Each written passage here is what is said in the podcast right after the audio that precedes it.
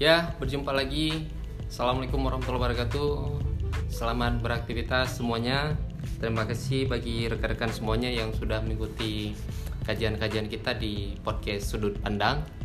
Selamat datang dan selamat mendengar bagi kawan-kawan yang masih baru ataupun baru kali ini mendengar sharing-sharing kita di podcast Sudut Pandang. Oke, seperti biasa saya ditemani oleh Bang Tiska. Ya, Bang. Terima kasih. Salam buat semua uh, yang baru datang maupun yang sudah uh, beberapa kali mendengar podcast kita. Semoga uh, apa yang kita uh, hadirkan ini memberikan manfaat. Ya, jadi karena masih suasana Lebaran nih bang ya. Ya. Ya kita ucapkan minal izin wal izin kepada semuanya. Ya. Uh, mohon maaf lahir dan batin. Semoga aktivitas kita semakin dimudahkan, dilancarkan oleh Allah Subhanahu Wa Taala. Amin. Selanjutnya seperti biasa nih bang, nah, ya. seperti biasa kita ingin mendiskusikan topik-topik yang uh, bisa jadi sedang ramai diperbincangkan ya. Ya. maupun hal-hal yang sifatnya perlu kita diskusikan lebih lanjut. Baik, jadi isu aktual, isu aktual. Uh, seminggu terakhir ya. Oke, okay, Aceh Weekly Review. Mm -hmm. Jadi ini dalam sudut pandang kita. Mm -hmm. Oke, okay, um, hari ini uh, atau dalam satu minggu terakhir ini uh, ada seremonial uh, Hari Kemerdekaan Indonesia 17 Agustus, yeah. kemudian ada apa satu lagi? MOU ya? Ya. Ya, 15 Agustus. Oke, okay, tanggal 15 Agustus uh, adalah uh, hari perdamaian ya. Mm -hmm. Hari yang bersejarah buat perdamaian uh, Aceh. Mm -hmm. Karena di mana tanggal 15 Agustus adalah hari penandatanganan uh, Memorandum of Understanding uh, perjanjian uh, atau uh, kesepahaman damai antara hmm. pemerintah RI dengan Gerakan Aceh Merdeka di iya. Helsinki, Finlandia ya. Iya. Yeah. Oke, apa yang uh, Wahidul uh, amati yang di dalam masyarakat misalnya terhadap tujuh uh, belasan atau lima belasan. Lima belasan. Ya. ya. Ini ada lima belasan, ada tujuh belasan ya, gitu. Dua peristiwa ini apa yang menarik? Betul.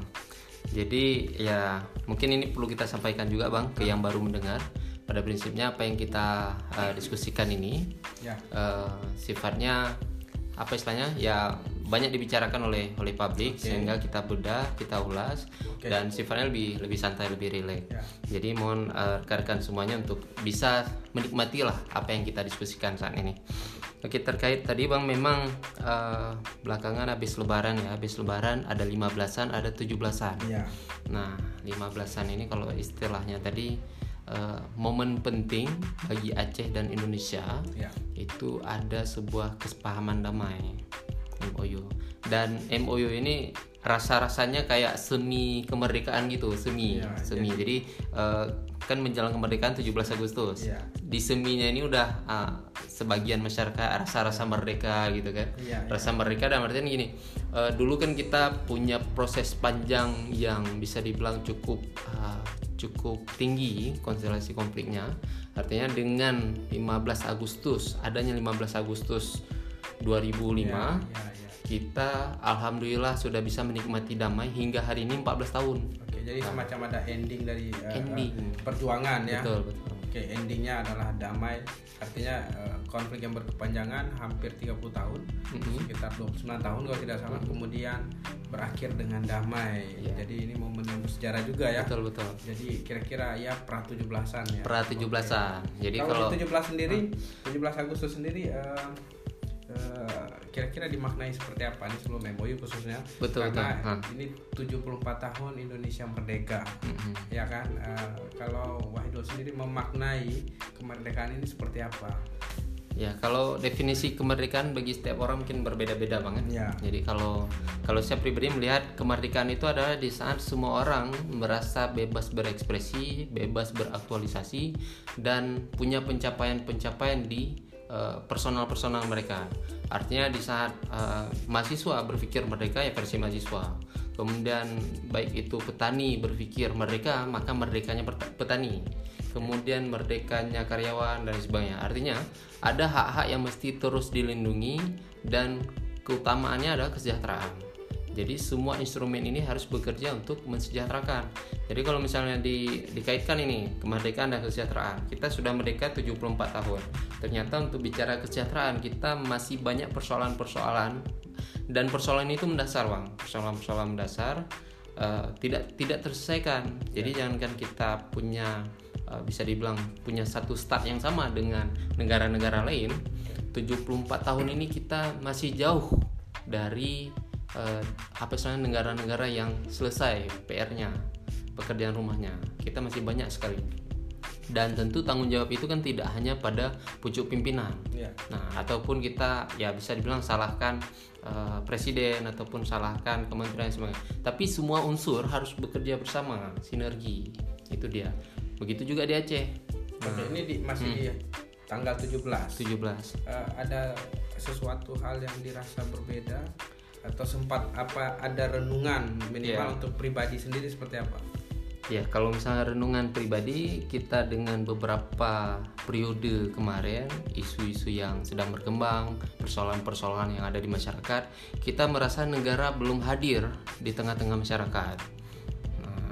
Itu itu mungkin kuncinya negara belum benar-benar hadir di tengah-tengah masyarakat. Seremonial yang seperti biasa juga tentu ada uh, upacara mm -hmm. pengibaran bendera penurunan bendera kemudian ada juga hiburan-hiburannya seperti uh, lomba-lomba panjat pinang betul betul bang ada karnaval uh -uh. malah yang menarik ini bang nah yang panjat pinang itu wali kota Langsa memberikan instruksi okay. melalui instruksi wali kota uh -huh. itu untuk uh, tidak ada proses panjat pinang okay. nah. tapi uh, ini sudah turun temurun pernah ikut gak itu Wahidul pernah ikut gak? ya kalau semua umur sih nggak pernah ikut bang nggak pernah ikut nggak pernah ikut. pengen ikut nggak nggak pernah atau nggak kalau pernah. disuruh ikut gimana pertama saya nggak pernah pengen ikut. Nah okay. yang kedua jika terjebak pada posisi saya harus ikut misalnya hmm. saya akan berusaha menghindari perkumpulan seperti itu.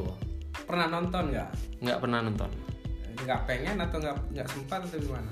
Uh, gimana ya? Kalau sekedar melintas mungkin lagi ramai-ramai ada. Tapi kalau untuk mengkhususkan diri menonton tidak. Nah karena gini itu kan apa ya istilahnya? Sebuah uh, ya kalau ada kalau ada kita kita baca yang yang dari detik itu komentar sejarawan terkait tolak tambang ada yang menyebutkan bahwa itu memang warisan Belanda. Panjat Pinang. Panjat Pinangnya. Okay. Panjat Pinangnya itu ada warisan Belanda memang. Di sana itu masyarakat pribumi perusahaan Panjat Pinang dan yang nonton adalah Belanda Belanda itu. Nah, sehingga diturunkan tapi kalau Anhar Gonggong menyebutkan berbeda. Oke. Okay. Nah, Anhar Gonggong uh-huh. malah membantah uh, bahwa Panjat Pinang ini sebenarnya sebenarnya disemarakkan itu tahun 60-an kata Anhar Gonggong. Jadi bukan zaman kolonial bukan ya. Bukan zaman kolonial. Atau gini, kalau misal kalau kita mau ngambil benang merahnya, dari dulu sudah ada Panjat Pinang, tapi yang dipopulerkan itu sejak 60-an. Nah, itu kalau kita gabungkan beberapa pernyataan-pernyataan sejarawan. Oke, tadi yang uh, wali kota wali kota Langsa, Pak. Langsa. Suum. Melarang. Melarang. Apa pertimbangannya? Ya, Atau isi larangannya Ya, isi larangannya pertama poin-poinnya mengikuti upacara. Okay. Nah, kemudian di poin ketiga kalau nggak salah saya itu melarang semua instansi untuk mengadakan panjat pinang. Karena khusus panjat, panjat pinang. khusus panjat pinang karena panjat pinang itu adalah peninggalan Belanda. Oke. Hmm. Ini dinilai progresif gitu uh, ya cukup progresif sebenarnya. Artinya gini, uh, mengisi kemerdekaan kita kan bisa melakukan banyak hal. Nah, bicara mengisi kemerdekaan, tentu ya tidak, tidak jangan hanya terpaku sama Panjat Pinang saja. Karena kalau kita lihat secara apa, secara gambaran besarnya, di mana-mana itu Panjat Pinang sama Tolak Tambang Tolak tambang atau tarik tambang? Tarik tambang. Oke. Okay. Oh, ya, sorry. Tarik tambang. Tarik kan, tambang. Karena belakangan kita sering tolak tambang, Bang. Terlalu ya. semangat. Terlalu ya. semangat, ya. Tuntutan ya. tolak tambang. Betul, ya? betul. Okay. Karena gini rekan-rekan sekalian, kalau bagi yang uh, ikuti mungkin tahu bahwa kita uh, sedang mengadvokasi penolakan terhadap PTMM. Jadi kira-kira nah. semua terbawa ya semua terbawa. tarik diganti jadi tolak gitu. betul gitu. betul. Jadi sebenarnya tarik tambang. Oke okay, jadi kalau kita review itu termasuk juga tarik tambang games games ya? Mm -mm. lompat yang kebanyakan yang kebanyakan. Termasuk lompat karung dan sebagainya. Tapi yang utama tersebut bahwa itu peninggalan Belanda adalah Panjat Pinang sama ya padahal uh, kalau aku sendiri juga uh, berharap ya ada lomba-lomba yang lebih syarat nilai, mm-hmm. lebih mengasah intelektualitas baik itu dari anak-anak sampai pada orang dewasa atau orang tua sekalipun. Jadi perlombaan-perlombaan yang sebenarnya lebih fun, lebih uh, safe misalnya, Betul. lebih edukatif. Mm-hmm. Nah, uh, harapannya kepala daerah ya minimal sudah melarang itu kayaknya sudah lebih baik lah ya karena uh, tidak ada nilai edukasinya di situ yeah. juga uh, rawan kecelakaan saya pikir ya kayaknya itu bukan hiburan kita lah. Mm-hmm. jadi uh, sangat disayangkan. Harusnya kan uh, lebih kepada event-event yang lebih syarat nilai dan bermakna lagi. Mudah-mudahan ini jadi catatan ya. Uh, begitu juga organisasi-organisasi uh, kepemudaan mm-hmm. atau organisasi kemasyarakatan yang uh, harusnya bisa berpikir lebih maju lagi. Uh, bukan saja hal yang lucu-lucuan mm-hmm. tapi hal yang lebih bernilai lebih edukatif lagi. Yeah itu mengenai seremonial, seremonial 17, 17 Agustus. Oke, kemudian uh, sehingga uh, uh, 17 Agustus ini bukan hanya momen seremonial saja, tetapi melalui event-event yang diselenggarakan oleh pemerintah itu lebih bisa menyentuh atau setidaknya menumbuhkan uh, bahkan itu dapat menggali lagi rasa kecintaan terhadap uh, Indonesia itu sendiri. Betul okay. dan dan memang di usia kita yang 70 74 tahun ini masih masih banyak sekali PR-nya dan gimana ya uh, dengan PR yang banyak sekali kemudian tuntutan kita yang mana mengharuskan semua SDM kita harus lebih maksimal lagi di waktu yang akan datang jadi SDM publik belum lagi pemerintahannya ya. nah jadi SDM pemerintahan juga harus lebih uh, progresif di mana membuka ruang-ruang yang selama ini terkesan uh, apa istilahnya eksklusif ya. Terkesan eksklusif hanya melibatkan pemerintahan saja ayo dibuka ke publik. Sehingga publik bisa lebih uh, terlibat dalam proses-proses pembangunan. Seperti itu. Oke. Uh, inilah uh, momen 17 Agustus ini di tengah uh, tingginya tuntutan uh, masyarakat uh, yang semakin uh, cerdas misalnya hmm. bahwa kemerdekaan itu ya bukan hanya sekedar kita mengenang uh, uh, apa apa yang sudah diraih di masa lalu ya, yang perjuangan sejarah tapi bagaimana mempertahankan ini dan mengisinya dengan uh, pembangunan untuk kesejahteraan Betul. itu maka harusnya event-event uh, itu didesain supaya uh, uh, apa Eh, masyarakat bisa lebih pasti, uh, partisipatif lagi, mm -hmm. khususnya di dalam pembangunan ini. Oke, okay, itu harapannya uh, dalam mengisi uh, momentum 17 Agustus 17 ini kalau enggak kan ya akan lewat begitu saja hanya dengan ketawa-ketawa ya, ya. kita kayak perayaan ulang tahun. Ya hanya sudah, sebatas ulang uh, tahun. begitu. Hanya deretan Deret, angka ya. Uh, deretan angka 73 sudah 74 kemarin 74 besok 75 ke depan 75 gitu. tapi nggak ada progres. Artinya gini harapan uh, kita sebagai masyarakat sipil atau pegiat-pegiat uh, pergerakan sosial ada progres. Apa yang akan kita capai di umur 75 apa yang akan kita capai di saat kita sudah berumur 80 tahun? Ya. apa? Cita-citanya apa? Sehingga masyarakat itu tergerak ke sana. Seperti ada cerita-cerita kemarin kampanye nasional itu terkait revolusi uh, apa? 40 4.0 ya. jadi harus diarahkan ke sana. Bagaimana diarahkan ke sana? Tersedia Nah, jadi tersedia apa? Tersedia fasilitas-fasilitas publik yang mendukung anak-anak muda untuk berkontribusi di dunia digital. Jadi semacam ada campaign terhadap revolusi industri uh, uh, 4.0 ini 4.0 ya, supaya uh, pertama uh, pesannya sampai edukasi mengenai apa itu revolusi industri 4.0, kemudian bagaimana ini disikapi, apa yang perlu dipersiapkan gitu kan. Artinya kita berpandangan gini, uh, 4.0 ini kan sedang jalan. Ya. Nah, dan dalam sedang jalan ini kita punya banyak PR yang harus dikerjakan baik itu oleh pemerintah, anak muda, milenial ataupun masyarakat biasa. Nah, jadi harus terfasilitasi dan ke depan apa?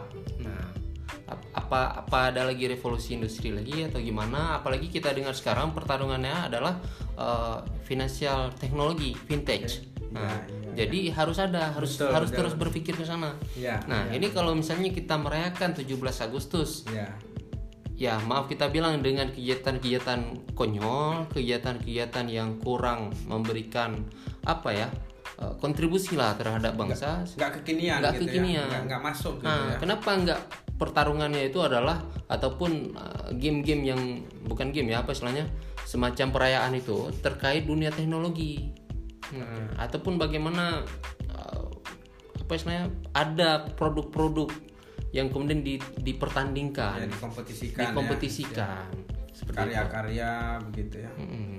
ada apresiasi-apresiasi baik ini mudah-mudahan menjadi masukan yang sangat berarti. Nah itu di konteks nasional karena kayaknya persoalannya memang ya, di hampir seluruh daerah seperti ini semua Benar. Gitu ya. Secara turun temurun gitu kan. Paling ya diisi dalam konteks lokal game-game apa sih. Misalnya kita ada juga apa tangkap bebek gitu Ma malah kalau bicara kompetisi ini bang apa tadi kompetisi soal menjelang 17 Agustus? Yang terlihat adalah adanya kompetisi meraih kursi menteri. Nah, jadi kan uh, ini kan narasi yang disebarkan ke publik. Okay. Nah, jadi publik mengkonsumsi narasi yang yang tersedia dan narasi yang ada itu adalah pertarungan kursi. Ya. Nah, sehingga harapan kita apa sebagai masyarakat yang uh, bergul di dunia pergerakan harus adalah narasi-narasi yang kemudian buat masyarakat itu mengarah ke sana. Apakah kita harus disiapkan untuk mampu menghadapi persaingan global, vintage misalnya, ataupun kita harus lebih siap dalam uh, apa dunia startup misalnya. Selama ini yang kita tahu startup kita sudah ada, sudah apa, sudah apa istilahnya unicorn. Ya. Ternyata waktu kita cek lagi perusahaan yang tersebut unicorn itu tidak tidak ber uh, berbasis di Indonesia, tapi berbasis di Singapura. Ya, Otomatis ya, kalau bicara keuntungannya juga nggak di Indonesia kan, di Singapura seperti itu. Jadi ayolah masih banyak sekali PR dan semua orang harus konsentrasi pada hal yang substansial. Ya. jangan terjebak pada ya bagi-bagi kursi kemudian pertarungan pasca pemilu dan sebagainya. Harapan masyarakat seperti itu. Oke. Itu seperti itu. Ya untuk nasional ya. untuk nasional mm -hmm. sekarang bagaimana kita melihat di event 15 event ini? Ya. Baik khususnya Aceh ya. maupun uh, sentimen publiknya bagaimana? Betul betul. Jadi kalau misalnya 17-an seperti kita sampaikan tadi di Aceh juga uh, kegiatan-kegiatannya umum. Nah, tidak khusus. Tapi ada yang menarik nih, Bang. Kalau kita fokus di Acehnya ya. Beberapa hari ini khususnya dua hari ini 15, 16, 17 lah berarti ya. Okay. 16, 17 kita uh, punya pembahasan khusus terkait uh, apa ya? Ap, kejadian di 15 Agustus okay. seperti itu. Uh, pertama okay. ada seremonial. Seremonial di pagi hari. Ya. Oke, okay, di pagi hari itu ada seremonial uh, ya rutinitas tahunan ya. Betul betul. Uh, uh, apa? Untuk mengenang perayaan MOU. Uh, ya, penandatanganan MOU Penandatang. ini. Mm -hmm. Nah, itu seremonial biasa lah mm -hmm. ya. Oke, selanjutnya? Selanjutnya ada mahasiswa yang melakukan aksi di kantor DPRA. Oke, di kantor uh, kantor DPRA. DPR Aceh ya. Hmm. Jadi ya memang niatan mereka sama seperti niatan-niatan mahasiswa yang sudah hmm. yaitu berusaha untuk uh, apa ya bisa dibilang meneruskan aspirasi yang sudah pernah tergelorakan seperti itu. Jadi okay. terkait bendera bendera Aceh. Salah satunya itu memang eh, itu isu Uh, khususnya itu. Khususnya itu. -hmm. Oh. Jadi memang cerita MOU khususnya bendera. Kenapa bendera sampai saat ini belum bisa dikibarkan? Begitu. Jadi agak agak ini ya bang, agak agak sedikit uh, kok bendera aja ya gitu ya. Masih bendera ya. Masih bendera Oke, jadi uh, buntutnya seperti apa itu? Jadi uh, aksi yang dilakukan oleh Oke, per pertama mungkin kita sambung dari diskusi kemarin bagi ya. rekan-rekan semua. Kalau memang sudah mengikuti podcast sebelumnya, itu kita ada sedikit mulas ya. terkait ya. kanun bendera, ya, ya Bang ya waktu ya, itu. Dan terakhir kita mengambil kesimpulan bahwa gimana kesimpulan kemarin tuh? Ya uh, apa? Ya bendera ini kan uh, salah satu butir salah ya? satu butir mm -hmm. di dalam MOU mm. Yang uh, apa energi uh, pemerintah Aceh khususnya maupun publik juga itu kan emosinya uh, terlalu banyak lah yang habis betul betul uh, terlalu yep. banyak resource yang habis mm -hmm. energi emosi publik begitu kan mm -hmm. untuk hal yang sebetulnya juga tidak aplikatif betul gitu Jadi kalau kita sedikit aja meng, apa, meng, bukan mengulas ya, sedikit aja mengutip bahwa di 2015 terakhir uh, ada ada tim yang dibuat oleh DPRA, kemudian tiba-tiba 2019 heboh surat dari Mendagri yeah. putusan itu ya. Heboh surat itu yang ternyata itu dikeluarkan di 2016, Juli 2016. Oke, lanjutannya adalah uh, rekan-rekan mahasiswa yang melakukan aksi itu berusaha untuk memasangkan bendera bendera bendera Aceh okay. yang versi mereka sudah sesuai dengan kanun yang disepakati oleh DPRA. Mau dikibarkan gitu. Mau dikibarkan. Di, di mana? Di kantor DPRA. oh iya, di situ kan ada dua tiang. Kalau nggak salah salah satu tiang uh, bendera merah putih sudah terisi, satu sudah lagi uh, belum pernah terisi ya. Belum pernah terisi. Dan belum pernah memang terisi. Uh, sempat ingin terisi waktu itu yang waktu baru-baru apa pengesahan. Tapi itu di, di, dipersiapkan memang akan ada bendera kembar gitu iya, bagaimana? Ya kurang lebih begitulah bang. Itu kan persiapannya DPRA ya waktu itu ya. Oke. Jadi singkat cerita, mungkin rekan-rekan semua sudah pada tahu bahwa akhir dari aksi itu uh, uh, ada bentrokan bang dari mahasiswa dan polisi. Tidak tidak semua mahasiswa ya. Artinya beberapa mahasiswa yang tinggal sebagian lagi sudah pulang itu bentrok dengan polisi sehingga mereka diamankan. Tapi kalau nggak salah itu bendera itu sempat dibawa-bawa sempat dibuka uh, dan dan masuk ke kantor Iya, sempat dibuka dipegang foto bersama. Mm -hmm. uh, mahasiswa juga itu membawa bendera itu ke kantor ya ke dalam kantor. Ke dalam. Nah, uh, puncaknya apakah pada upaya pengibaran? Mm-hmm. puncak yang terjadi bentrok itu gimana? Ya, memang dalam proses uh, apa istilahnya proses aksi tersebut hmm. ada pergantian-pergantian orasi, termasuk uh, dari anggota DPRA-nya sendiri waktu itu, CG menemani peserta aksi dan ketua DPRA juga berada di kantor sehingga mempersilahkan mereka masuk oh, ketua gitu. DPRA dan setelah uh, diskusi di dalam kantor DPRA uh-huh.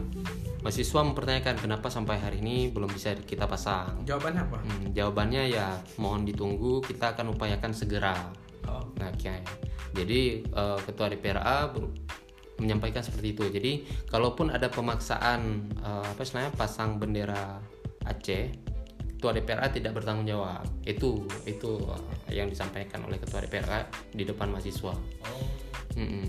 Jadi kalaupun mahasiswa memaksa memasang, kami nggak bertanggung jawab. Tapi yang jelas kita akan upayakan.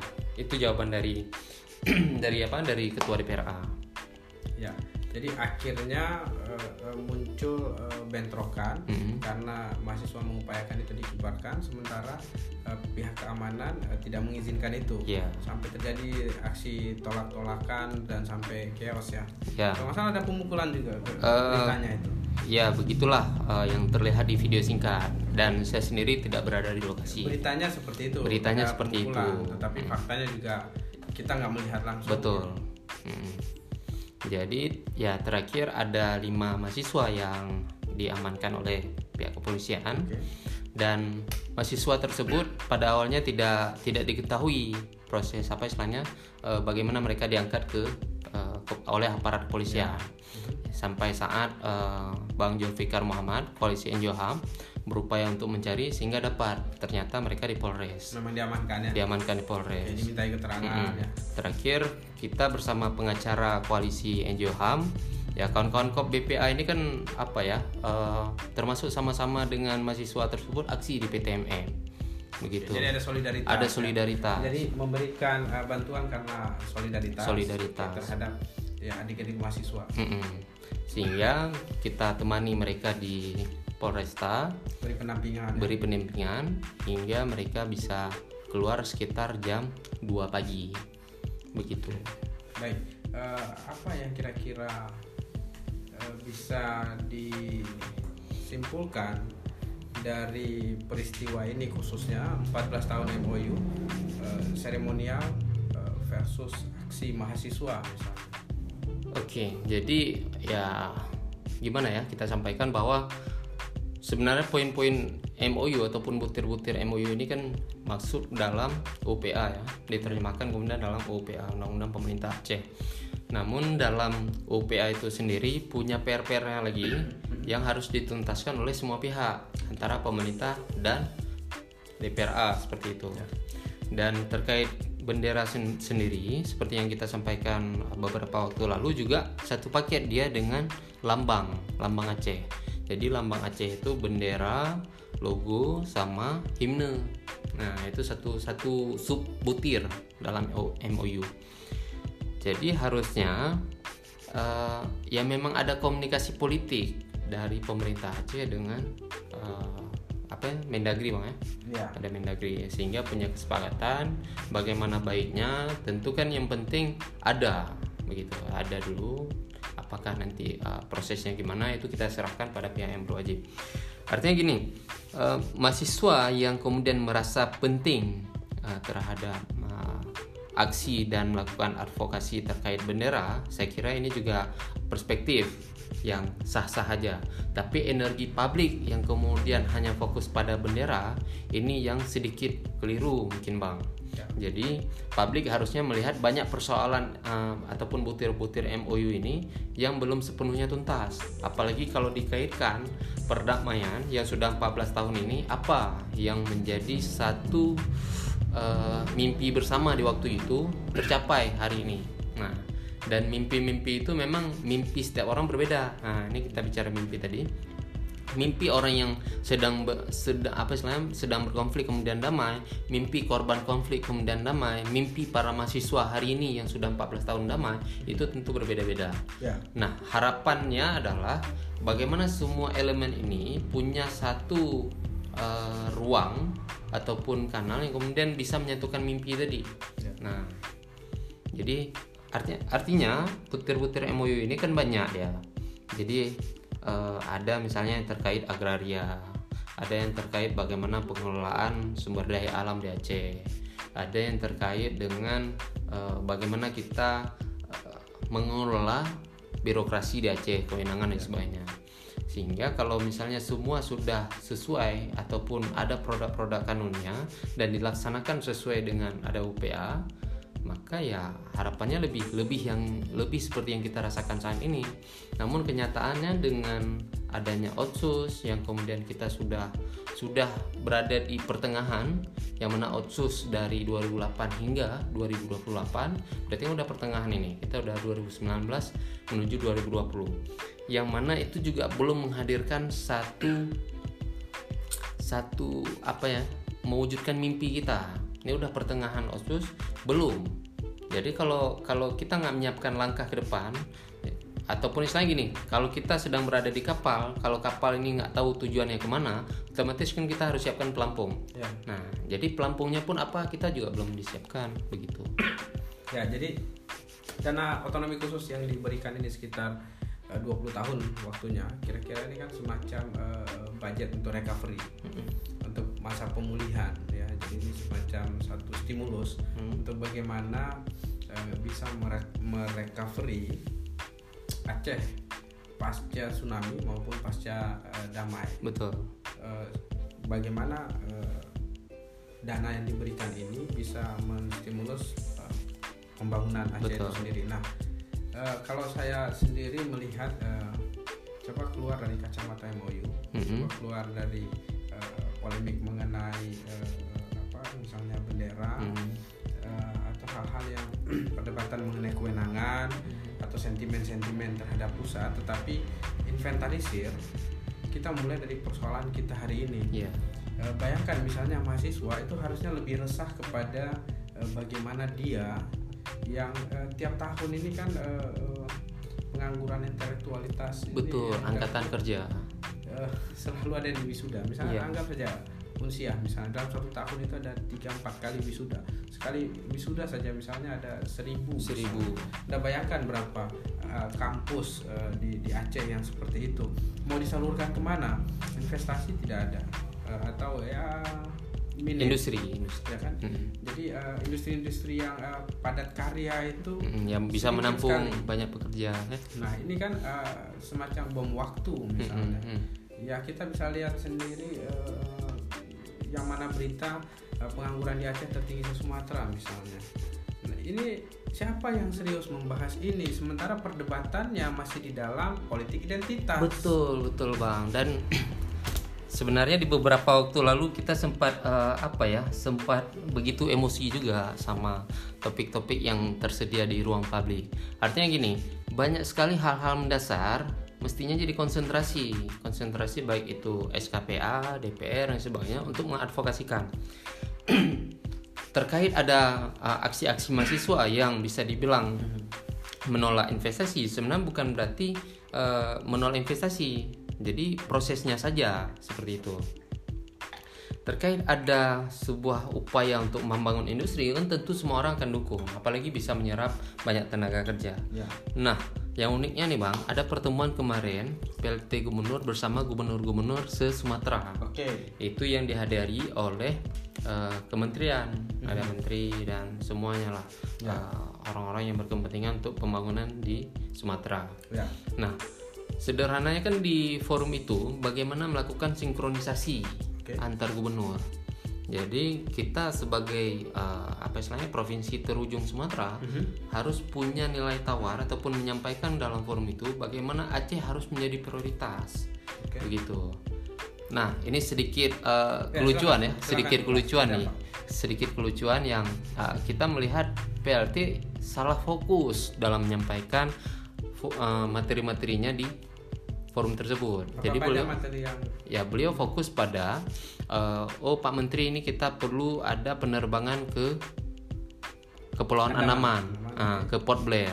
Kemudian kita perlu ada cake Barcela. Mm -hmm. Kemudian kita perlu ada uh, apa ya uh, pokoknya hal-hal yang sifatnya masih mimpi jadi belum belum pada tataran oh kita punya RPJM apa uh, bagaimana agenda-agenda nasional di Aceh?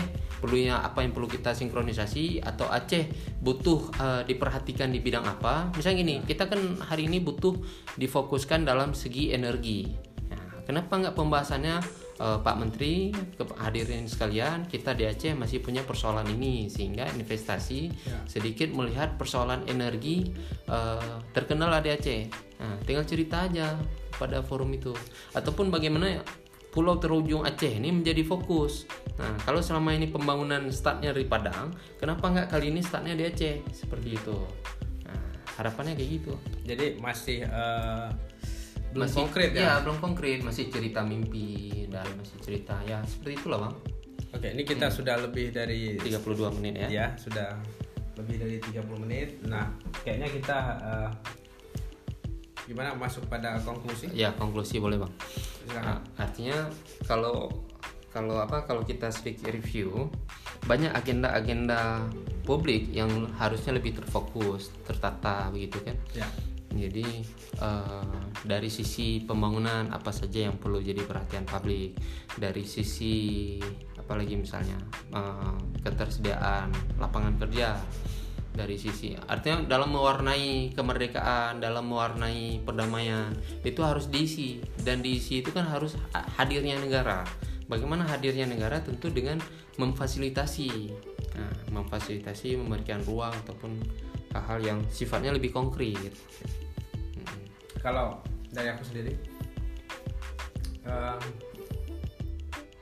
ada momentum yang sangat uh, penting bagi Aceh khususnya uh, yaitu uh, tsunami tahun 2004 uh, karena itu berhasil sebagai uh, pendorong untuk memunculkan kesadaran bersama pihak-pihak yang berkonflik untuk uh, uh, apa ingin untuk berdamai. Nah, jadi uh, karena nantinya juga di Desember 26 juga ada uh, seremonial juga me me mengenang uh, 14 15 tahun uh, tsunami Aceh. Uh, itu juga sebuah refleksi bagaimana kita mengenang uh, proses uh, musibah itu, kemudian kesiapsiagaan maupun uh, bagaimana pembangunan pasca uh, rehab rekon itu sendiri. Nah, khusus terhadap 14 tahun uh, penandatanganan perdamaian ini coba kita merefleksikan terhadap uh, persoalan yang lebih menyeluruh dan melihat uh, potret selama 14 tahun. Setidaknya kita sudah tiga kali pemilu. Mm -hmm. ya uh, kepala daerah itu sudah tiga kali dipilih. Ya.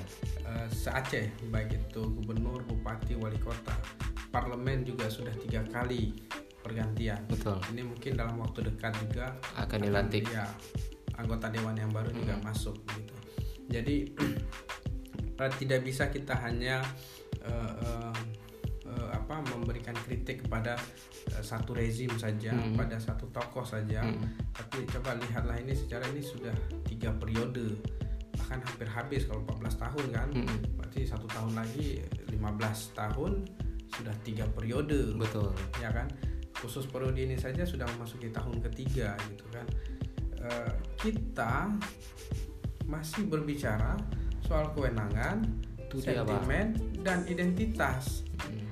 sementara di lapangan persoalannya sudah sudah bukan bukan banyak. itu uh -huh. gitu kan nah harusnya kita gelisah terhadap hal itu hmm. dan menyusun rencana-rencana aksi yang konkret dan saya pikir uh, uh, tidak bisa saja berjalan sendiri misalnya kita lihat bagaimana kerja-kerja yang tidak terintegrasi. Betul.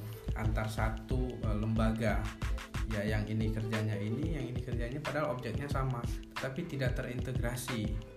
Nah kerja-kerja seperti ini saya pikir harus uh, uh, dibuka seluas-luasnya uh, partisipasi publik uh, harus didesain bahwa kita harus kerjasama memang. Uh, nggak bisa lagi saling tunjuk gitu kan. Harus disusun memang rencana-rencana program-program yang memang luar biasa. Nggak bisa sekedar yang biasa-biasa saja. Maka ini sangat tertinggal kita. Ketika daerah-daerah lain sudah berlari kita masih masih berdebat soal masih nama soal, tim kita, betul, betul. lambang bendera kita apa gitu kan. Masih di situ, yang lain sudah berlari tanpa memperdulikan itu gitu. Jadi ya soal start tadi bang. Jadi ya, ya memang ini harus fokus semua orang. Masa uh, semua orang harus melihat hal yang lebih substansial ya. dan memang konkret. Nah, misalnya membangun konstruksi Aceh masa depan bagaimana? Ya apa yang perlu disiapkan yeah. pemerintah uh, membangun di sisi yang mana kemudian uh, apa istilah pengusaha ataupun investor hadir sebagai apa yeah. masyarakat sebagai uh, apa istilahnya sebagai publik yeah. itu terlibat di mana yeah. nah, begitu juga calon ataupun mahasiswa ataupun calon uh, angkatan kerja akan berperan di sisi mana sehingga yeah. semua itu sinergi terkoneksi yeah Nah, itu mungkin harapan kita di uh, 15-an dan 17-an ini ya. 15 ya. 15-an 15 Agustus, ya. 17-an 17 Agustus. Ya. Jadi mudah-mudahan uh, aku sendiri sih berharap uh, mudah-mudahan ini uh, review terakhir persoalan-persoalan yang persoalan ini. Ya. Next mungkin mudah-mudahan kita nggak review lagi isu-isu seperti ini untuk hmm. itu kita mengajak juga khususnya anak-anak muda hmm. atau anda yang sudah senior senior yeah. yang sudah lebih paham marilah kita move on di eh, hal-hal uh, yang lebih substansial dan aplikatif Betul. untuk kita diskusikan maupun kita advokasikan jangan terjebak di hal-hal yang uh, tidak aplikatif tidak substantif gitu Oke, okay. okay, Bang. Terima kasih banyak waktunya sudah uh, banyak kita mendiskusikan hal-hal yang uh, semoga bermanfaat kepada rekan-rekan semua. Kalaupun ada hal yang belum terbahas, uh, next bisa direkomendasikan melalui WhatsApp mungkin ya. ataupun melalui diskusi-diskusi uh, gitu. warung kopi ya. sehingga kita bisa mengulas lebih banyak di momen yang akan datang. Terima kasih atas waktunya. Terima kasih. Semoga aktivitas dan kegiatan rekan-rekan semua lancar. Saya kiri wabillahi taufiq wal hidayah. Assalamualaikum warahmatullahi wabarakatuh.